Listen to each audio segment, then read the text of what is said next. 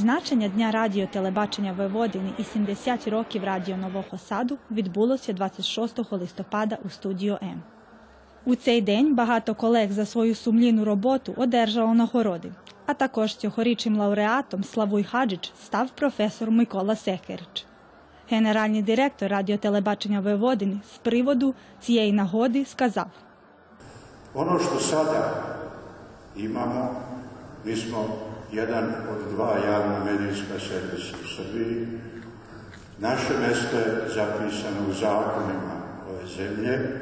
Naša obaveza je da informišemo, edukujemo i zabavimo ljude na svim jezicima kao što, smo do sada radili na način da smo poštovali to bogatstvo različitosti u Vojvodini i u Srbiji. Prošlo je skoro 35 godina kako su naše kolege na manjinskim jezicima stekle pravo da uređuju program na svom jeziku. Ne da prevode sa većinskog jezika kako imamo u nekim zemljama Evropske unije. Mi u svemu ovome danas možemo da kažemo da smo se izborili za status u toj informativnoj zajednici, ne samo u Srbiji, nego u srednjoj Evropi. To je rezultat rada ljudi koji su radili pre nas, to je rezultat vas koji sada radite, a nadamo se da ćemo ostaviti ovim mlađim kolegama dobru osnovu da mogu da nastave sa radom. A to pre svega mislim kroz stvaranje e, uslova u novoj zgradi da ćemo svi imati priliku s primjenom novih tehnologija, s puno novih znanja, da pružamo usluge građanima. Građani su ti koji su nam tu zgradu napravili, jer je ta zgrada pravljena od sredstava građana iz budžeta. Ja koristim ovu priliku da svima čestitam naš praznik naše kuće, praznik radio televizije Vojvodine, da vam poželim ličnu i porodičnu sreću, mnogo profesionalnog uspeha, koleginicama i kolegama koji su danas nosioci ovih naših e, priznanja, značajnih priznanja, koje su, za koje su i kandidovali njihovi delovi kuće poslovne jedinice, oni sa kojima rade, Čestitam na tom priznanju i želim puno profesionalnog uspeha i dobitniku nagrade Славою Катич.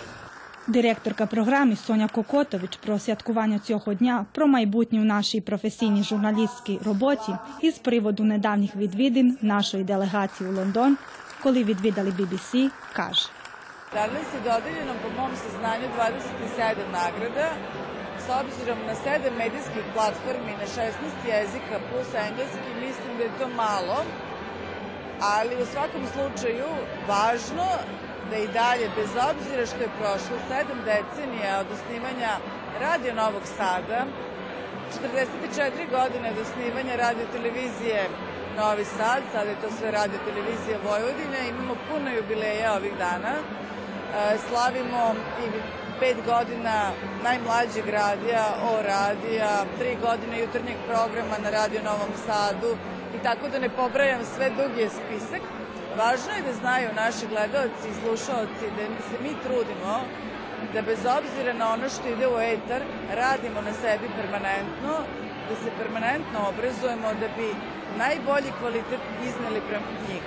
Jer oni su naš najveći sud je ova poseta organizovana na osnovu projekta koji realizujemo u saradnji sa Ministarstvom e, kulture i informisanja i Evropske komisije. E, to je bila radna poseta, odnosno studijska poseta, kada smo videli prostore BBC-a, kako oni funkcionišu i na koji način. E, naša nova zgrada u kojoj ćemo se nadam se seliti sledeće godine zvanično do kraja, je na pravi način rađena, savremena i mislim da ćemo odande moći da pokažemo što zaista znamo i umemo i na koji način možemo sve da radimo. A, ono što je ne, nesporno teško zaporediti je broj kanala na kojima emituje BBC njihov rad je osnovan 32. godine, znači imaju tu neku prednost, ali imaju zaista ozbiljan budžet na godišnjem nivou, jer građani Velike Britanije plaćaju zaista realne i evropski merljive takse za javni servis.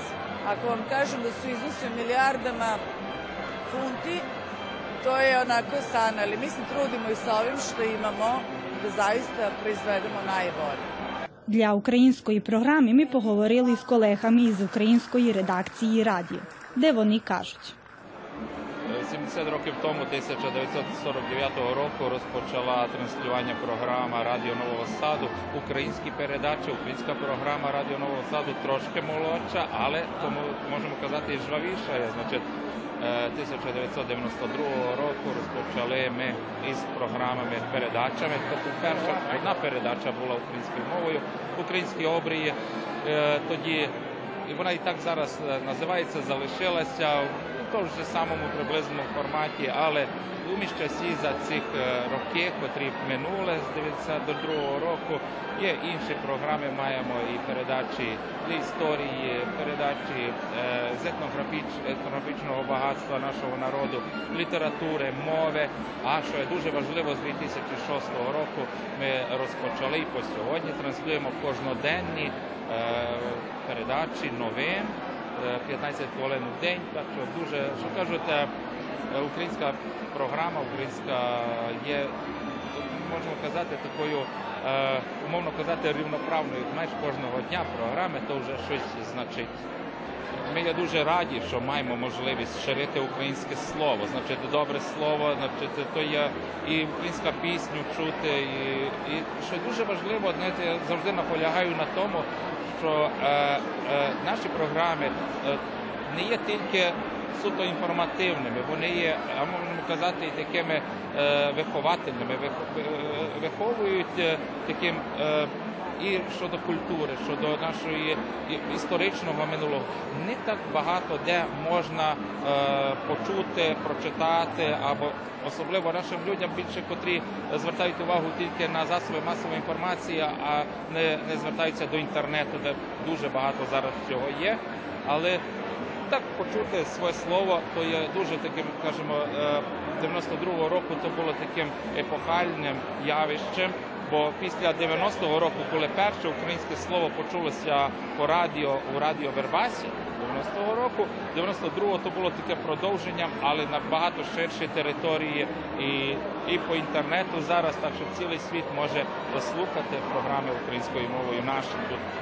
Можу сказати, по-перше, що е, перший раз я стикнувся з е, радіо Новим Садом ще у 2007 році по закінченню Інституту культури і по приїзді сюди тоді проходили певне стажування. Молоді люди, які мали бажання, скажімо, працювати у цій сфері діяльності. А потім так життєві обставини склалися, що я все-таки певний час пожив в Україні, а по приїзді 2000 по приїзді 2010 року все-таки от були, були е, знову намагання зв'язати свою долю з е, е, мовленням на радіо Новий Сад. І це і сталося 2011 року. Тобто з 2011 року я вже у різних, скажімо, був і співпрацівником конкретного радіотелебачення на даний час. Я е, є співпрацівником агентства, але для потреб радіо Нового Саду. Створюючи умови для роботи в новому будинку та застосуванням нових технологій та знань, ми матимемо можливість створити програму для громадян, як її зробили для нас, тому що наш будинок побудований за кошти громадян з бюджету.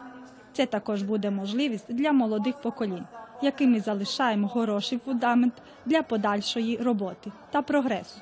Про все це сказав генеральний директор радіотелебачення Войводини Міедра Коплівець.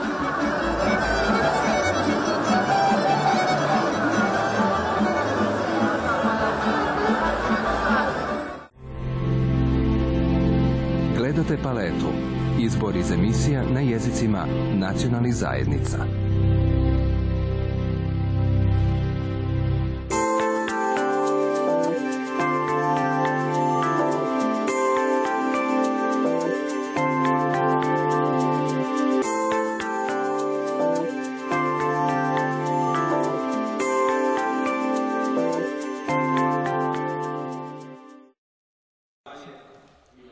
Голова комітету з питань освіти, науки, технологічного розвитку та інформаційного суспільства доктор Муамер Зукорлич під час відкриття громадських слухань наголосив, що освіта одна з найважливіших передумов збереження ідентичності кожного представника меншості. У громадських слуханнях взяли участь представники Національної ради української національної меншини Микола Ляхович, голова Національної ради і Петро Закамарок, член Національної ради. Скупщині Сербії 22 листопаду цього, року відбулося е, громадські слухання. Е, Нас е, попросили голова відділу освіти і науки, пан Муамер Зухорліч, на котрому ми могли е, найбільше чути, що то, що то Міністерство освіти е, робило цей е, рік, е, які вони задачі е, мали, Е, і так само про якісь різні, е, різні проблеми. Е, До нас звернула і представники Міністерства освіти, е, державний секретар Анна Марія Вічек, е, котра сказала е, пару слів, звернулася до нас, е, про тому, що міністерство е, і на котрий спосіб допомагає е, е, національним меншинам у Республіці Сербії.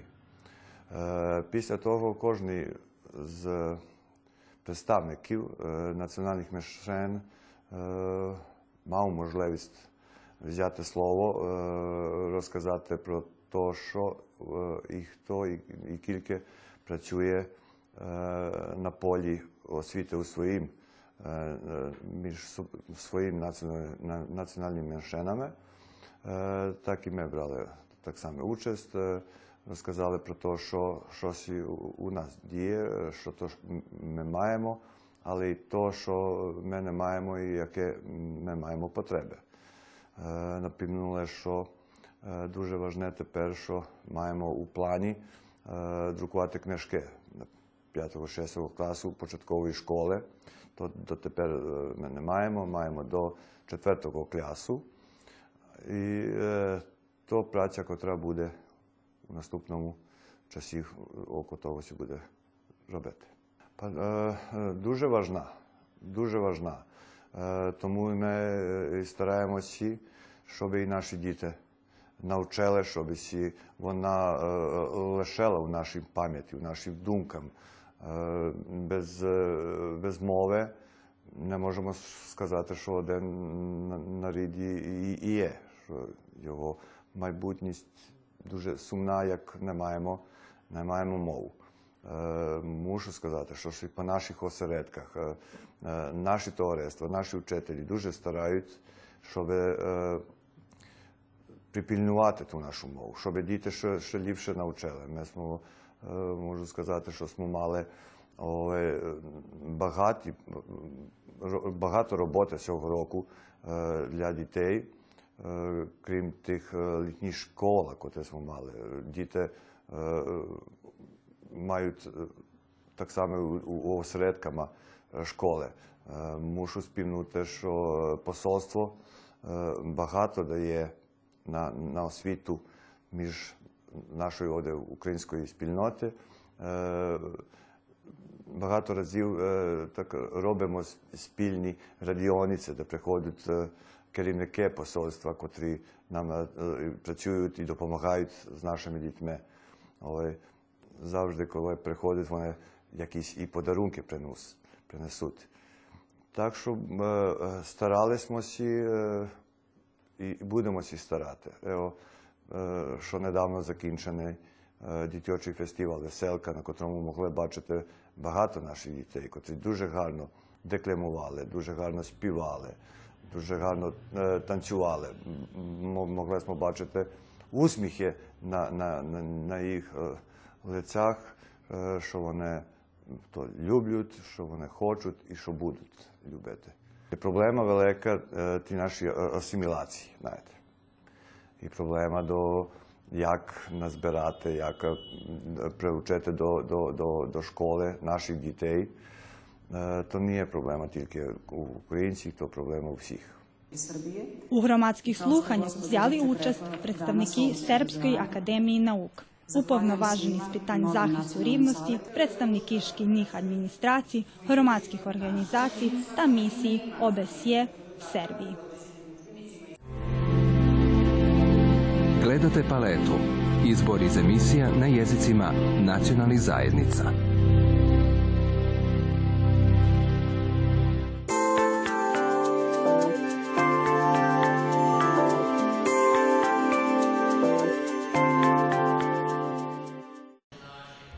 Традиційно День пам'яті жертв голодомору 1932-1933 років у Україні відзначають 23 листопада.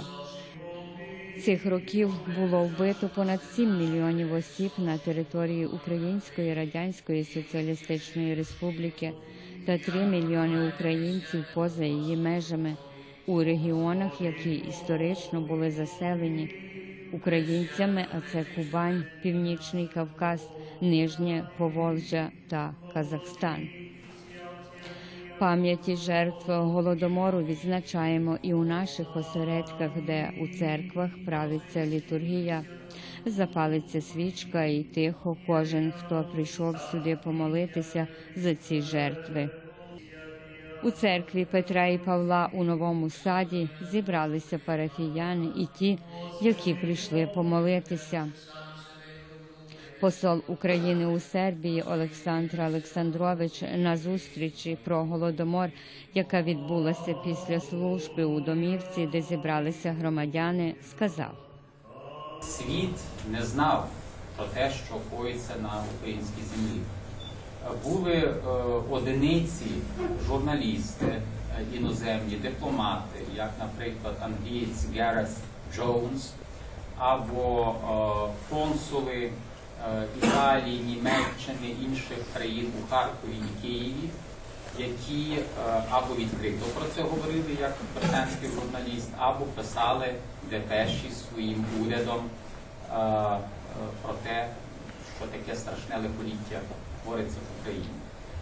Е, Натомість уже є конкретні факти і докази, свідчення, в основному свідчення, але й документи, е, е, які доказують, що це був саме штучний голод, що це був голодомор геноцид.